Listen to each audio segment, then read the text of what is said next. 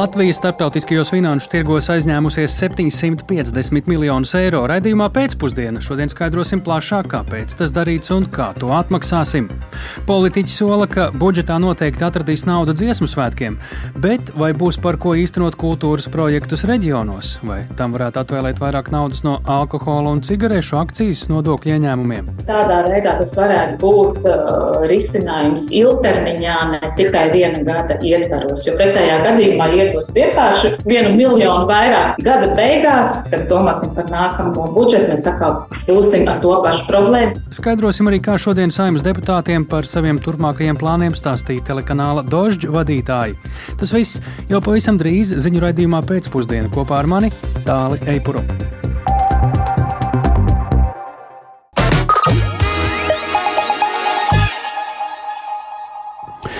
Ir 5 pāri 4 pēcpusdienā, un jūsu radioaparātos skan ziņu raidījums pēcpusdienā. Ar jums sarunājas Tāls Eipurs, un sākam mēs ar to, ka Latvijā vidējais patēriņa cenu līmenis decembrī mēneša laikā ir samazinājies par 0,5%. Tieši tāpēc mēs esam sazinājušies ar Centrālās statistikas pārvaldes makroekonomiskās statistikas departamentu direktoru Interu Abražunu. Labdien! Labdien! Decembrī redzam, ka mēneša laikā patēriņa cenas ir kritušās par 0,5%. Kāda uh, izskatās inflācija gada laikā? Uh, vai arī šeit tas pieaugums līdz ar to visticamāk ir palielinājies? Protams, gada inflācijas rādītājs arī nedaudz samazinājies, un pagājušā gada decembrī tas bija 20,8%. Tas ir pa vienu procentu punktu mazāk, kā bija novembra mēnesī, bet nu, mums joprojām ir seši mēneši pēc kārtas, kuru gada inflācijas rādītājs ir pārsniedzis 20%. Ja paskatāmies uz to, kad mums pēdējo reizi iepriekš Latvijā bija mēneša inflācija, kur kopējais patēriņa cenu kritum, kopējais patēriņa cenu līmenis samazinājās, nevis pieauga, kad tas bija?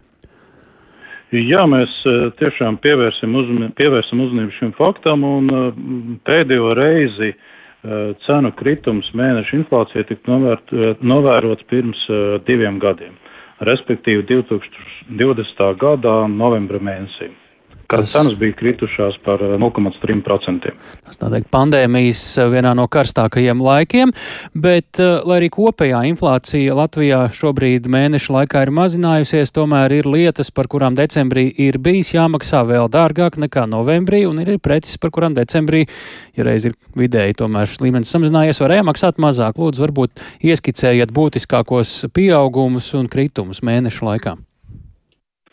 Jā, joprojām turpinās eh, pārtiks cenu pieaugums. Eh, mēnešu laikā pārtiks produkti ir pieauguši par 1%. Eh, joprojām mēs redzam sadārdzinājumu pozīcijā, kas saustās ar mājokli saistītas preces un pakalpojumu. Šeit mēnešu laikā ir pieaugums par 0,5%. Un galvenokārt turpināja sadardzināties elektroenerģija, tāpat arī dārgāk kļuva siltumenerģija, ūdens apgāde un kanalizācijas pakalpojumi. Vienīgais lētāks ir kļuvis eh, cietais kurināmais. Un savukārt tie faktori, kas, mm, teiksim, veicināja šo te cenu samazinājumu, tās ir divas grupas. Nu, tās būtiskākais, vislielākā ietekme bija transports. Un šeit eh, mēnešu laikā cenas ir samazinājušies par 5,8%. Un galvenais tas, tas, tas iemesls, protams, bija degvielas cenu kritums par 11,4%. Tātad... Un, otrs, un otra tā lielā grupa noteikti būtu arī apģērbs un apavi, e, kur mēnešu laikā cenas samazinājušās par 2,2%. Te gan būtu jāmin, ka tas ir, e, teiksim, e, akciju ietekme un šāda, teiksim, parādība ir konstatēta arī iepriekšējos gados, kad decembrī mums apģērbam un apojam ir dažādas akcijas, kur ietekme, protams, cenas ir samazinājušās. Līdz ar to janvārī šī faktora varētu, ietekme varētu vairs nebūt tik liela. Tā varētu būt, skatoties uz citiem gadiem. Jā, protams, līdz ar to tā, tā, tā, tā ietekme janvārī varētu arī nebūt. Jā. Lielas paldies par sarunu Interam Abražunam, Centrālās statistikas pārvaldes makroekonomiskās statistikas departamenta direktoram. Tātad plašāk un konkrētā patēriņa cenu izmaiņas varam redzēt arī uh,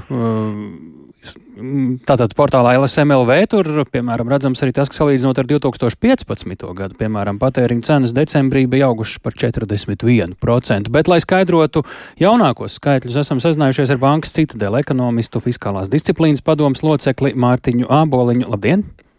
Labdien! Par ko liecina tas, ka esam piedzīvojuši mēneša laikā? Dzirdējām pirmo reizi divu gadu laikā patēriņa cenu kritumu. Nelielu, bet tomēr. Nu, es domāju, pirmkārt, tas liecina par to, ka um, šis ļoti lielais cenu spiediens, kas mums sākās, nu, tas jau pagājušā, ne, bet aizpagājušā gada nogalē, bet īpaši pastiprinājās pēc Krievijas iebrukuma Ukrainā, kad mums seši mēneši sākot no mārta bija ļoti augsti mēnešu rādītāji. Um, tad, nu, šis tāds inflācijas lēciens, tāds uh, akūtais cenas spiediens ir, ir nu, nedaudz, bet tomēr beidzies.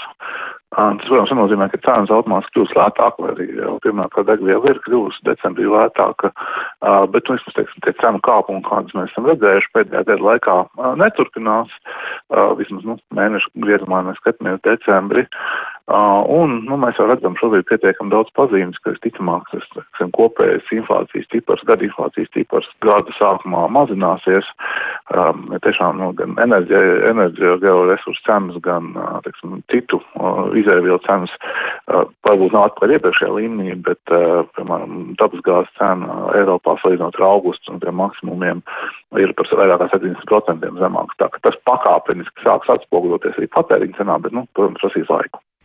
Kuras nozares uh, šo mazo uh, samazinājumu var uztvert kā zināmu attēlpu, un vai vispār te par kaut kādu attēlpu var runāt, jo tās cenas salīdzinot ar iepriekšējo gadu joprojām tāpat ir ļoti augstas daudz kam. Nu, jā, nu, degvielu vairāk mazāk izjūt visi, kas, kas vai nu, teiksim, kaut ko pārvadā uzņēmumu pusē, gan arī mājasēmniecības, kuriem ir auto, kas pārvietojas ar automašīnu. Tad tas tāds pietiekam plaši. plaši. Nu, es domāju, ka, ka nākamais, ko mēs tiešām jutīsim, cerams, vairāk uz, uz gadu otro pusi, ka varētu arī, lai ciltumēģijas cenas sāk mazināties, jo tiešām tās gāzes cenas bija um, ļoti, ļoti augstas. Bet, nu, pagaidām, teiksim, par tādām kaut kādiem ļoti specifiskiem kritumiem grūti runāt. Drīzāk tas tiešām, ka varētu tas cenas spiediens mazināties, jo mēs redzam, piemēram, gan pārtiks cenas, gan pakalpojumu cenas nu, decembrī vēl turpina augt, tāpēc nu, tur vēl, vēl kāds brīdis paies, kamēr tā situācija normalizēsies. Par mēnešu inflāciju skatoties, mēs varam teikt, ka apmēram ap to nulli plus mīnus mēs arī turpmākajos mēnešos varētu grozīties? Um, es domāju, ka jā, nu, protams, ka degvielas cenas var kā, kā, kā nu kurā brīdī svārstās, tie ir globālie tirgi, tur būs kādu mēnešu kaut kad ir neliels pieaugums. Um, bet mēs redzam, ka, uh, faktiski, siltumnīcas tarifu kāpumi vēl šur tur ir, uh, tiek izziņot, bet, bet tie ir vairāk mazāk beigušies. Uh, un arī pārtiks cenas, mēs skatāmies pasaules pārtiks cenas no pagājušā gada mārta, tas kritums ir ap 17%. Nu, mums parasti kaut kāds pusgads paiet, kamēr šīs tendences nāk pie mums. Um, tāpēc domāju, ka arī pēc jaunā gada nu, varētu kaut kur atkal mm, varbūt ne ļoti krīt, vismaz noteikti neaugs, varbūt vairāk kaut kur akcijas, nu, kas statistikā parādās arī kā kaut kāda stabilizācija pārtiks cenās. Mm. Tā ka tie ir tie virzieni, ko es sagaidītu. Protams, pakalpojumu cenas tur vairāk ir darba tirgus, mēs redzam, bezdarbs ir zems, cilvēki mm, Jā. prasa lielāks algas, un tas, protams, to inflāciju turēs vēl augšā. Paldies Mārtiņam Āboliņam, bankas citadela ekonomistam, fiskālās disciplīnas padomas loceklim. Runājot par naudu, sen nebijušas nenoteiktības apstākļos jātop šī gada valsts budžetam. Tā šodien Saimnes budžeta un finanšu komisijas sēdē par aktuālo valsts finanšu situāciju izteicās finanšu ministrijas pārstāvji vienlaikus uzsvarot, ka budžeta veidošanas pamatā ir valdības apņemšanās īstenot ekonomikas transformāciju un prioritātes - drošība, izglītība, enerģētika, konkurētspēja un dzīves kvalitāte. Par saimā runāto šodien vairāk Jāņa Kīņš ierakstā. Šogad Latvijas iekšzemes koprodukta izaugsme prognozēta negatīvi, nokrītoties līdz 0,6%. To ietekmē augstās energoresursu cenas un ražošanas izmaksu pieaugums. Tomēr pēc apkurses sezonas beigām, sākot no aprīļa, gada otrajā pusē atgriezīsies mērena ekonomikas izaugsme. Tā prognozējusi Finanšu ministrija. Laikā, kad recesija fiksēta arī plašāk Eiropā, Latvijai tāpat kā citām valstīm nāksies ierobežot plašos atbalsta pasākumus dažādu grūtību mazināšanai. Tos spiests atzīt Finanšu finanšu ministrs Arvils Ašradens no jaunās vienotības. Covid laikā un arī uzsākoties uh, šim karam, Ukrainā valdības sniedz uh, ļoti lielu atbalstu tautsājumniecībai. Tātad 21. gadā tie bija 2,3 miljārdi, 22. gadā tie bija 2,5 miljārdi. Šobrīd kopējais pieprasījums ir sākt sabalansēt fiskālo politiku, un 26. gadam šobrīd tas ir līdz nemainīgam budžetam plānotie ir energo atbalsts iedzīvotājiem. Šobrīd 0,7 miljārdi. Mums jārēķinās ar to, ka mēs šādu veidu atbalstus samazināsim. Pērnā gada kopējā inflācija Latvijā bijusi kā nekad. Tā varēja būt vēl augstāka. Tā vērtē Finanšu ministrijas tautsēmniecības analīzes departamenta direktore Inte Vasaraudze. Ja nebūtu valsts atbalsta, tad mēs redzētu augstākus inflācijas pieaugumus, jo valsts atbalstam ir nozīme un tas slāpē tomēr inflācijas pieaugumu apkuras sezonā. Valsts budžetu ierasti veido balstoties augustā fiksētos datos. Krievijas brutālā kara Ukrainā laikā sekas vērojams plašāk pasaulē, arī Eiropā, un aprēķinus nācies pārstrādāt decembrī. Tomēr ārēji apstākļi neilgā laika posmā var krasi mainīties. Inflācijas iespējā līdzekļu apjoms papildu tēriņiem audzis līdz 215 miljoniem eiro. Tos jau šogad varēs izmantot valdības četru gadu programmā ekonomikas pārkārtošanai, vērtē finanšu ministrs. Savukārt nodokļu sistēmas izmaiņas plānotas vienreiz četros gados, un tās sāks apspriest pēc valsts budžeta pieņemšanas. Jānis Kincis, Latvijas Radio. Latvijas starptautiskajos finanšu tirgos ir aizņēmusies vēl 750 miljonus eiro. Tā vēsta valsts kase. Tas noticis valsts kasē Latvijas vārdā, starptautiskajos finanšu tirgos, emitējot piecu gadu eiro obligācijas. 750 miljonu eiro finansējums piesaistīts ar fiksēto kopējo likmi 3,5%, eh, un kopējais pieprasījums pēc Latvijas eiro obligācijām bijis lielākais kopš 2015. gada un sasniedzis eh, pat 3,7 miljardus. Vairāk vecajām valsts kases finanšu resursu departamenta direktorei Evgenijai Jaloveckai par aizņēmumu pamatojumu. Galvenais faktors, kas kopumā vienmēr nosaka aizņemšanās vajadzību, ir kopējā finansēšanas nepieciešamība, kuru veido valsts budžeta deficīts. Tas ir galvenais parāda pieauguma veicinošs faktors. Nepieciešamība vēst un nodrošināt finansējumu iepriekš uzņemtajām parāda saistībām, ja, piemēram, pienāk kaut kādai obligācijai dzēšanas termiņš, kā arī citas vajadzības, kuras ir jāfinansē, nu, piemēram, aizdevuma izsniegšana pašvaldībām, jā, dažādiem investīciju projektiem. Iepriekšējās emisijas un šīs vakar veiktās emisijas galvenais faktors, kas noteica vajadzību aizņemties, ir tomēr parāda atmaksa, jo pavasara vidū pienāk dzēšanas termiņš uh, trīs un piecu gadu uh, valsts obligācijām, Kopējais apjoms, kas ir jādzēš, ir tuvu 1,4 miljardiem eiro. Līdz ar to bija jānodrošina papildus finansējums, lai pārfinansētu šīs valsts parāda saistības, kurām pienāk atmaksas laiks jau. Ja tie ir trīs gadi, tas nozīmē, ka sākam jau atmaksāt pandēmijas laika parādus. 20. gadā, jā, šīs trīs gadu obligācijas tieši emitētas pandēmijas sākumā, 20. gada pavasarī, 1 miljards eiro, un tajā brīdī likme tika fiksēta šīm obligācijām 0,125% gadā. Atceramies arī politiķu sacīto par to, ka tik lēti kā tad aizņemties grūti iedomāties. Ļoti laba tā situācija un noteikumi tajā laikā vismaz politiķu vārdos bija. Vai šobrīd mēs aizņemamies pietiekami izdevīgi, nu, ne tuvu droši vien tā kā pandēmijas sākumā, kad bija šī lētā aizņemšanās? Jā, nu, ņemot vērā procentu likmi tendences, kuras mēs novērojām jau sākot ar pagājušā gada sākumu, gada laikā, un to ietekmē tiešām ļoti dažādi faktori. Galvenokārt arī centrālo banku pasākumu cīņā ar pieaugušo inflāciju. Nu, protams, šī brīža procentu likmju uh, līmeņi visiem termiņiem nu, nav salīdzināmi ar tiem, kuri tika novēroti, un, un mēs paši arī aizņēmāmies līdzekļus par tādām likmēm, kuras ir bijušas tuvu nulē vai pat atsevišķos brīžos negatīvas. Nu, lūk, bet arī zemo procentu likmi periodu, kurš ilga vairākus gadus, uh, iepriekšējos mēs izmantojām sev un valstī par labu, kā saka, un tiešām fiksējām mūsu aizņēmumu darījumos zemes likmes ļoti gariem termiņiem. Šī brīža parāda portfelī mums ir 20, 30 gadīgās obligācijas ar procentu likmēm, kuras ir fiksētas vēl zemākā līmenī nekā šī brīža līmeņi, piemēram, tiem pašiem termiņiem un pat īsākiem termiņiem. Vai šī brīža augstās likmes eh, turpmākajos gados varētu kaut kā pārfinansēt, lai tās arī mazinātu? Šeit ir viena labā ziņa. Nākamajos gados procentu likmju kāpums ietekmēs kopējās parāda apkalpošanas izmaksas tomēr pakāpeniski. Nu, nav tā, ka vienā dienā mums ir iestājas dzēšanas termiņš pilnīgi visām obligācijām. Dzēšanas termiņi iestāsies pakāpeniski nākamo gadu laikā. Līdz ar to arī šīs zemo procentu likuma periodā emitētās obligācijas tiks aizstātas valsts parāda portfelī ar dārgākām obligācijām pakāpeniski. Pagājušajā gadā, faktiski gada laikā, mēs samaksājām vēsturiski zemāko summu procentu izdevumos no valsts budžeta. Tie bija tikai 164 miljoni eiro. Tas tiešām ir pēdējos gados viszemākais līmenis. Šim gadam procentu izdevumi jau ir fiksēti, un procentu izdevumi no budžeta veidos 199 miljonus eiro. Sākot ar 24. gadu, procentu izdevumi pakāpeniski sāks palielināties budžetā. Šie aizņēmumi, ne, nu, protams, būs dārgāki, bet pēc pāris trim gadiem mēs sasniegsim par procentu izdevumos vidēji gadā tādu izmaksu līmeni, kāds mums ir bijis pirms zemo likuma perioda. Mēs vienkārši atgriezīsimies tajā situācijā, kāda mums ir bijusi pirms šī vēsturiski zemāko procentu likuma perioda. Ko nozīmē pieprasījuma lielums? 140 investori šajā reizē ir interesējušies par Jā. Uh, iespēju nopirkt uh, tik daudz, uh, vēsturiski arī nav bieži tā interese. Tepat nav tik svarīgs investoru skaits, cik kopējais pieprasījums pēc mūsu obligācijām cenošanas brīdī. Un pieprasījums tik tiešām bija ļoti labs. Pieprasījums pārsniedza faktiski noemitēto apjomu, kas ir 750 miljonu eiro, pieprasījums pēc obligācijām vakar piecas reizes pārsniedza šo mūsu reāli paņemto apjomu.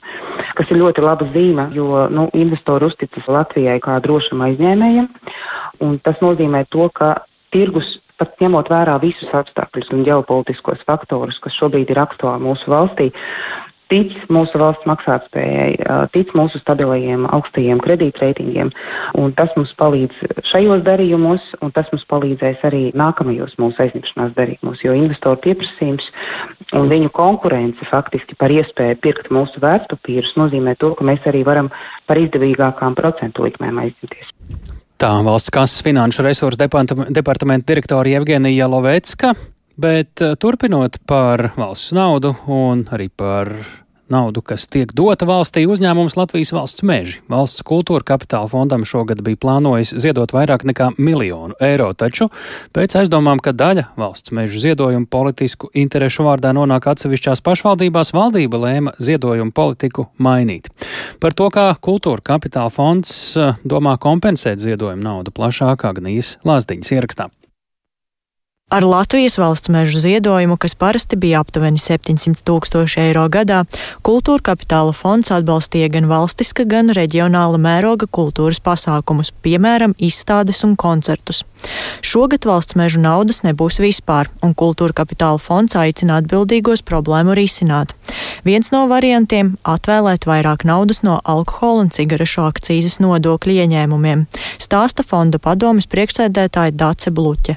Tādā veidā tas varētu būt uh, risinājums ilgtermiņā, ne tikai viena gada ietvaros. Jo pretējā gadījumā ietos vienkārši vienu miljonu vairāk kā dotācija, tad gada beigās, kad domāsim par nākamo budžetu, mēs atkal būsim ar to pašu problēmu pie šī paša galda.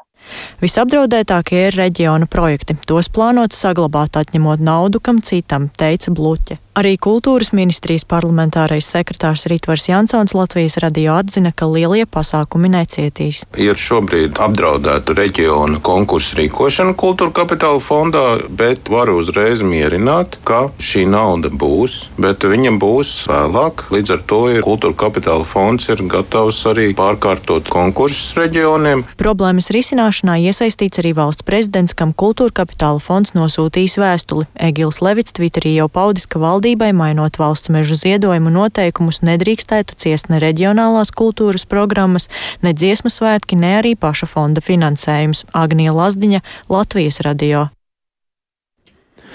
Tik tālu par pamata informāciju šajā situācijā, bet pēc finansējuma samazināšanas visapdraudētākie, kā noprotams, ir kultūras projekti Latvijas reģionos. Valmieras kultūras centra kultūras pasākumu producente Evija Zvinko pie radījuma pēcpusdiena klausulas. Labdien! Labdien! Visam īsi, kādi projekti ar Kultūra kapitāla fondu atbalstu jūsu pusē te pašā pagājušajā gadā tika īstenoti? Jā, pagājušajā gadā mums izdevās uh, piesaistīt finansējumu bērnu uzvedumam, kocīgi stāstiņi, divi jauni, divi jauni iestudējumi, ko mēs varējām parādīt Valmierā un kuru apmeklēja arī apmeklētāji no visa reģiona. Jā, tas bija jūsu uh, veids, kā piesaistījāt kultūra kapitāla fonda naudu, vai arī šogad bija kādi plāni, kuru pamatā bijāt cerējuši uz kultūra kapitāla fonda atbalstu? Jā, mēs katru gadu iesniedzam vairākus uh, projektus. Nu, parasti kāds no tiem tiek uh, atbalstīts, un šis finansējums ir tiešām būtisks jaunu kultūras produktu radīšanai. Mēs spējam radīt kaut ko tādu, ko paši producējam, kas nav nekur citur redzēts, un tas ir saistoši sabiedrībai un vietējiem iedzīvotājiem. Un ko pēc tam varbūt arī var turpināt, ja ir izdevies uzsākt, bet ko jums nozīmē ziņas par to, ka atbalsts projektiem reģionos varētu būtiski mainīties? Jā, nu tas, tā, protams, ir ļoti skumja ziņa, un uh, mēs ļoti ceram, ka tiks uh, rasts kompromiss vai kāds risinājums, jo, jo tā tiešām ir liela iespēja reģioniem uh, nekonkurēt ar tiem uh, lielajiem citiem projektiem, kas parasti iet cauri valsts kultūra kapitāla fondu. Un šai, šajā gadījumā tiek iesaistīta arī sabiedrība, kas nosaka prioritātes konkursam. Un līdz ar to tas tā kā rosina nu, to, ka iedzīvotāji paši pasaka, ko viņi grib redzēt, un projektu rakstītāji savukārt, balstoties šīm prioritātēm, arī uh, iesniedz projektus. Liels paldies par jūsu sacīto Evīdas Vinko, Valmieras kultūras centra kultūras pasākumu producente. Šis ir redzījums pēcpusdiena, jau pēc brīža ielūkosimies gan situācijā Ukrainā, gan skaidrosim, kāpēc ar dažādiem klupšanas akmeņiem ir uh, saistāms skultas sašķirinātās dabas gāzes termināļa projekts un arī pievērsīsimies zelta globusu balvām.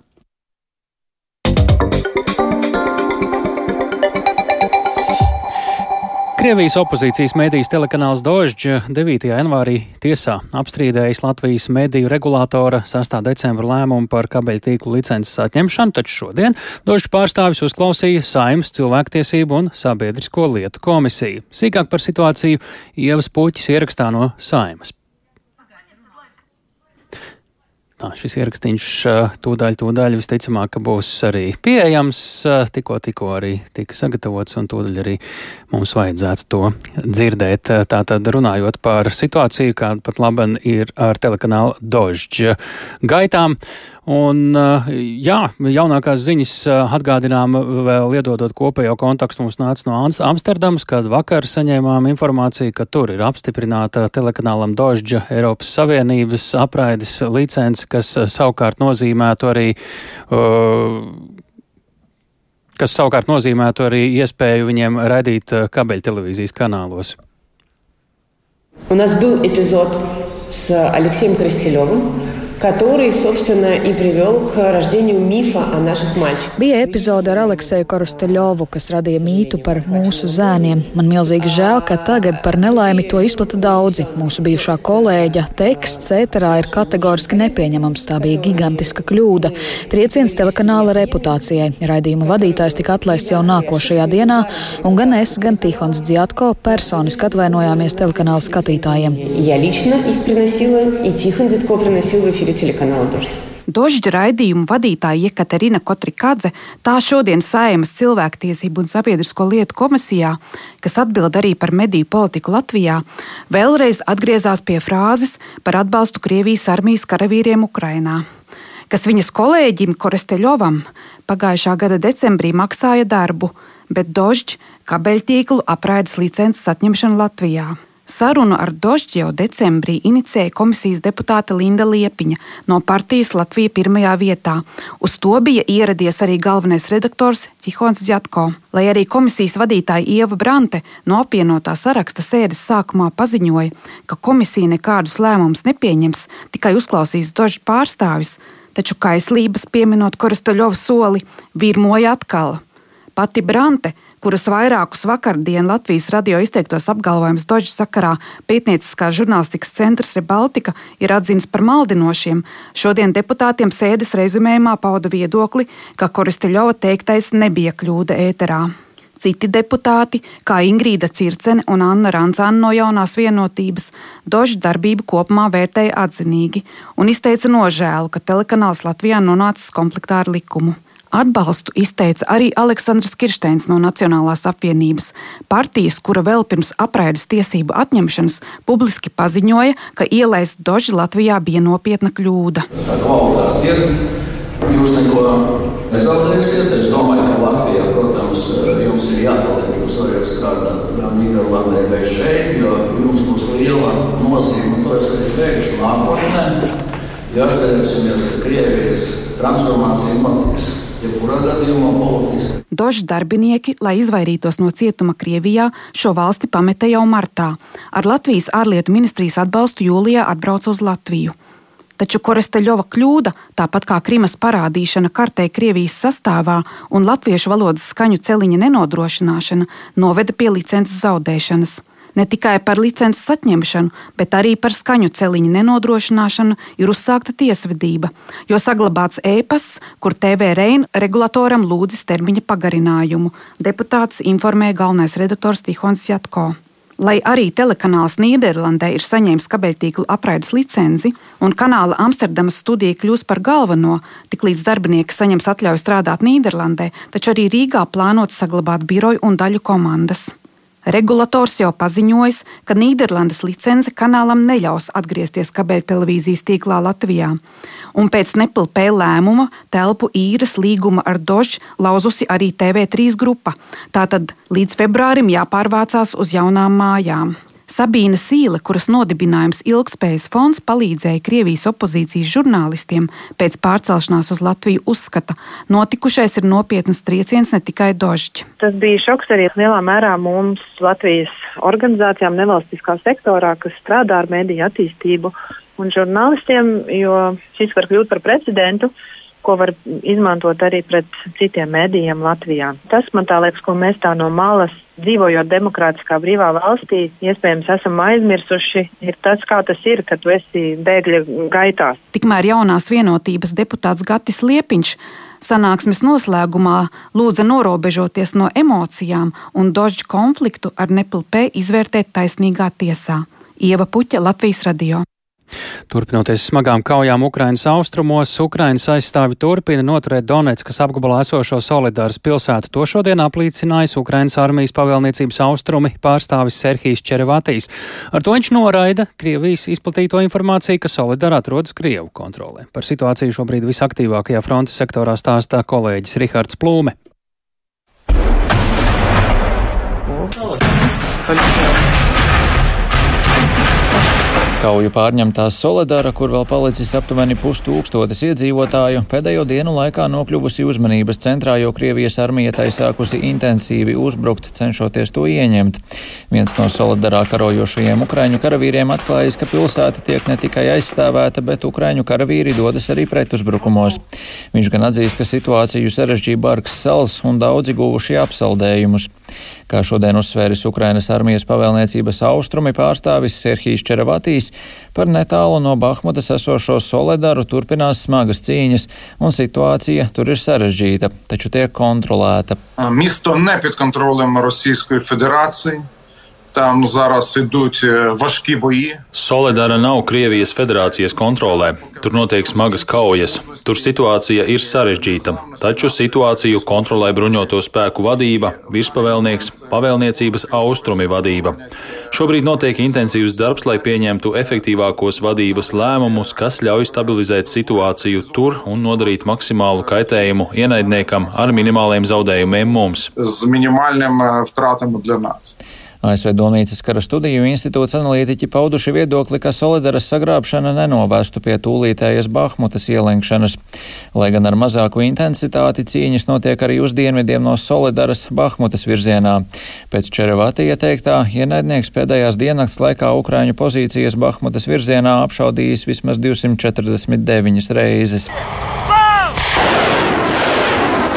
Aģentūra Bloomberg atsaucoties uz avotu vienā no rietumu aizsardzības ministrijām vēsta, ka Krievijas mēģinājumi ieņemt Bahmutu novada armiju pie spēku izsīkuma. Tas savukārt var dot Ukrainas aizstāvjiem iespēju jaunam pretuzbrukumam.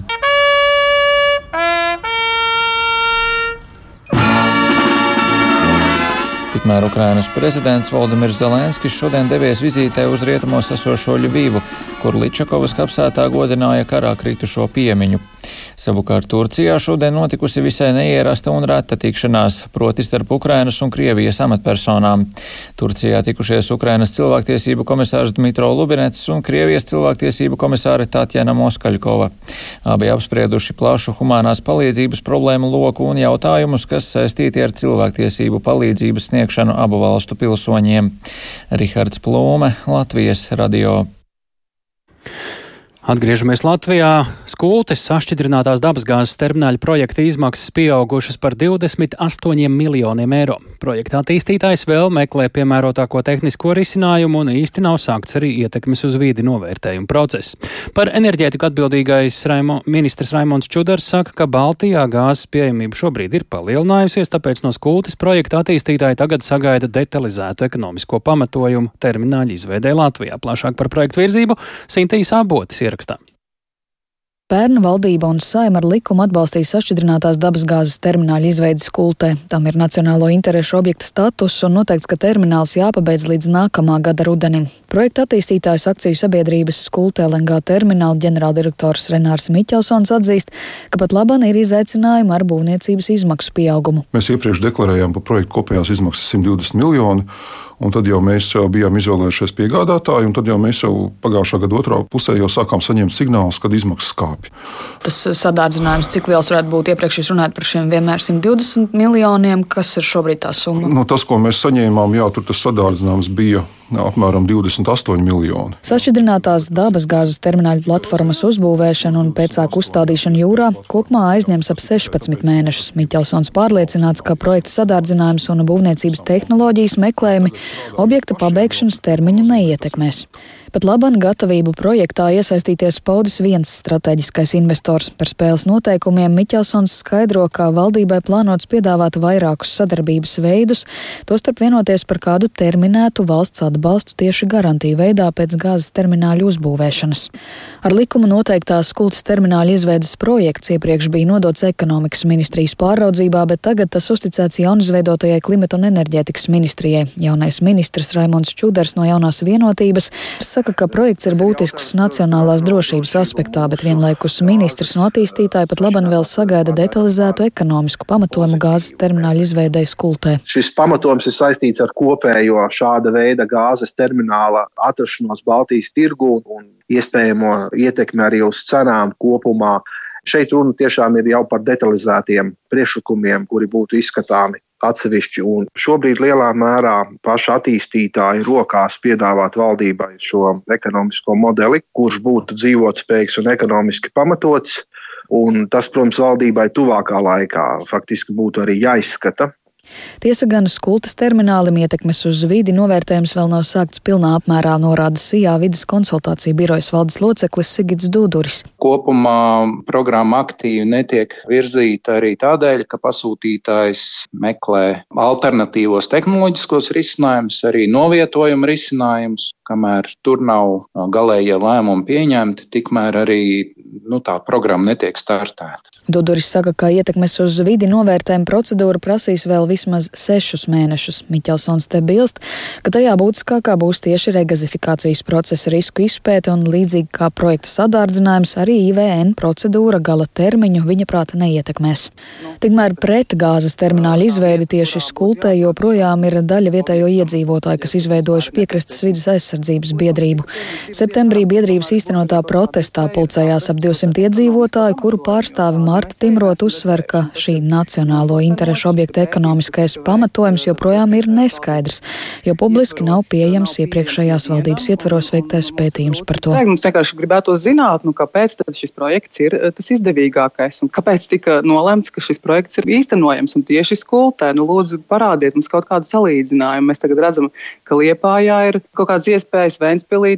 Limbažu novads ir viena no vietvarām, kuras teritorijas kars termināļu un gāzes vada izbūve būve. Pašvaldības vadītājs Dagnis Straubergs no reģiona apvienības arī apliecina, ka kopā informācija par projektu arī domē liedz par to diskutēt. Tas process gan bija neredzēts jau pie pagājušās valdības, ka neko neatklājot, tad tiek pieņemt lēmumu par šīs termināla būvniecības nepieciešamību un tā tālāk. Nu, kaut kā ļoti, ļoti dīvaini, ja mēs tā kā deputāti neformāli mēģinājām saprast, vai mums šobrīd vajadzētu arī domāt kopīgi izteikt kādu viedokli un konstatējam, ka šobrīd nav ko īsti teikt. Skultas sašķidrinātās dabasgāzes termināļa attīstītājs plāno šonadēļ nosūtīt vēstuli klimata un enerģētikas ministrijai par projektu attīstības priekšlikumiem un cer, ka valdība tos izskatīs līdz mēneša beigām. Sinti Ambota, Latvijas radio. Šobrīd, skatoties uz ziņām par šo tēmu, redzams, ka valsts it kā vēlas doties enerģētiskās neatkarības virzienā, taču vienlaikus dzirdējām sāk taujāt pēc projekta ekonomiskā pamatojuma, tiek piesauktas arī dzirdējām Ventspils un Liepājas vārdi. Tas, protams, ka liek uzdot jautājumus, un mums tāds ir politologam mediju tilts līdzīpašniekam Filipam Rajevskim. Labdien! Labdien! Nu, Kāpēc mēs joprojām eh, šeit laužam šķēpus? Cik daudz, kā izskatās, šeit ir tādu objektīvu apsvērumu, tiešām ekonomisku, ar kuriem ir jātiek skaidrībā ar to pašu vidi un līdzīgi, un cik daudz eh, te mēs redzam arī intereses, kur eh, atšķiras politisko spēku viedokļi un kuru dēļ varbūt ir tā lēnuma piegarša? Uh, nu, tur, ir, tur ir divas lietas. Ja mēs runājam par vides apsvērumiem, es domāju, ka uz šo terminālu attiecās tie paši visi vides noteikumi, kāda attiecās uz jebkuru industriālo projektu, un es nedomāju, ka nu, tie būs esošajā situācijā, ka te varētu būt kaut kādi lieli, lieli, nu, tādi uh, reveranci no valsts puses un ka pēkšņi uz viņiem neattieksies vides. Varbūt procedūra var pātrināties, bet es nedomāju, ka tur būs kaut kāds atlaids uz vides standartiem. Kas attiecās pa pašu terminālu un pa to politizāciju tā jautājumu, viss jau griežās ap tām garantijām valsts, kuras ik pa brīdim, kā mēs redzam, pavīd, jo, ja mēs zinām, nu, piemēram, normālā komerciālā situācijā, ja kāda būvē rūpnīcu, veikalu vai kaut ko, viņš viņš neiet pie valsts un nesaka, nu, garantējiet man kaut ko. Šai gadījumā tas ir parasti pašu uzņēmēja risks. Un šai gadījumā, tad, kad visu laiku tiek cilāts jautājums par garantijām, tas nozīmē, ka šis risks īsti, īsti laikam nav uzņēmējiem pašam panesams, un viņš šo risku grib padalīt ar valsti. Un atkal savukārt valsts no savas puses, es domāju, nu, tas politiskais satraukums ir, lai nebūtu tā, ka tad, kad ir zaudējumi, tad uh, notiek dalīšanās ar tiem zaudējumiem, tas ir ar valsti. Savukārt, tad, kad tiek pelnīta nauda un peļņa tiek radīta, nu, tad tā ir tāda privāta, uh, privāta lieta, un tad tās ir tāda, tie privātie ienākumi. Un šis, es domāju, ir tas politiski vis, vissāpīgākais jautājums, kurš pelna un kurš riskē ar ko, uh, jo gadījumā ar valsti tā jau ir nodokļu maksātāja nauda. Paldies mediju tiltu līdzīpašniekam politologam Filipam Rajevskim. Mēs eh, dodamies uz Ameriku. Ir režisora, nu, tur tātad eh, ar kinofilmu Inešerins Banšīnu un Fabela Meni triumfu not naktī ir noslēgusies Zelta globusa balvas pasniegšanas ceremonija Losandželosā. Holivudas ārvalstu preses asociācijas pasniegtās balvas uzskata par priekšvēstnes tam, kuras filmas būs favorīts cīņā par ASV kino akadēmijas balvu Oskars. Un uh, paskatoties, kas tad ir iegūši šīs balvas, tā tad ir režisora Martina Makdonas veidot veidotā traģikomēdija Inešerīnas Banšī saņēma trīs zelta globus kā labākais mūzikls vai komēdija un arī par scenāriju, bet filmas zvaigzne Kolins Farels ieguva balvu kategorijā labākais aktieris mūziklā vai komēdijā. Savukārt amerikāņu dzīvā kino klasiķa režisora Stevena Spilberga daļai autobiogrāfiskā filma Fabelmen ieguva divas statuetes, to atzina par labāko drāmu, bet pats Spilbergs saņēma balvu kā labākais režisors. Savukārt pirmo reizi filmu vērtēšanā piedalījusies arī Latvijas pārstāve, tā bija kinokritiķe Kurtora Dārta Ceriņa. No dažas stundas pēc ceremonijas kolēģi Dats Simnoči arī viņu iztaujāja, un jā, tas tiešām bija vēsturisks notikums, kura laikā tad arī mēs pat pavaicājām pašai kritiķei. Tā ir vairāk mana sasaistam darbība ar kinokritiku šeit Latvijā, un es arī esmu biedra starptautiskajā kinokritiķu arī federācijā. Un tad, ņemot vērā, ka Holivudas ārzempreses asociācijai pēdējos gados tieši šiem, šo reputāciju un, un kukuļošanas dāvanu skandāliem un, un šo te daudzveidības trūkumu, jo jāatminās, ka Holivudas ārzempreses asociācija veido nu, faktiski iepriekš 90 cilvēki tad uh, mērķis bija paplašināt balsotāju skaitu, un tad viņi meklē tieši caur šo Startautisko kinokritiķu federāciju arī cilvēkus ar mērķi paplašināt balsotāju loku. Un faktiski tās balvas, kas ir piešķirtas, tas ir 200 cilvēku darba kopums, pārstāvot 62 valsts. Arī to starp Latviju. Kā tieši notika šī vērtēšana, kas jums bija jāvērtē? Es vērtēju filmatāžas darbus, jo atsevišķi vēl ir arī, protams, arī seriāli un daudzsēriju filmas vai miniseriāli. Nu, es teiktu, aptuveni bija kāds 600 kopumā, kas bija pieteikti. Un tās visas jūs noskatījāties? Es centos ļoti godprātīgi to darīt. Un pirmo reizi, protams, kaut ko tik, tiešām tā ir prestiža balva, neskatoties uz dažādiem kāpumiem un kritumiem. Jā, mēģināju iemanīties daudz, kas arī bija redzēts iepriekš arī festivālos vai tepat arī Latvijas kinoteātros un daudz kur citur, bet es teiktu, jā, ka rudens pagāja ļoti, ļoti intensīvi. Lūk, tā kinokritiķe Dārta Ceriņa, kura pirmoreizi filmu vērtēšanā piedalījās eh, Zelta globusa balvu pasniegšanas eh, izvēlē. Šis eh, bija ziņu raidījums pēcpusdiena. To veidoja tāls Eipors Ilza Aginta, kā arī Renārs Šteimanis un Rita Karnača. Un, ja vēlties pārraidi noklausīties vēlreiz vai dalīties ar citiem, to varat atrast Latvijas radio mobilajā lietotnē, kā arī eh, mirkli vēlāk arī savās raidierakstu platformās. Tur to meklējiet ar nosaukumu Dienas ziņas. Mēs tiekamies atkal rīt!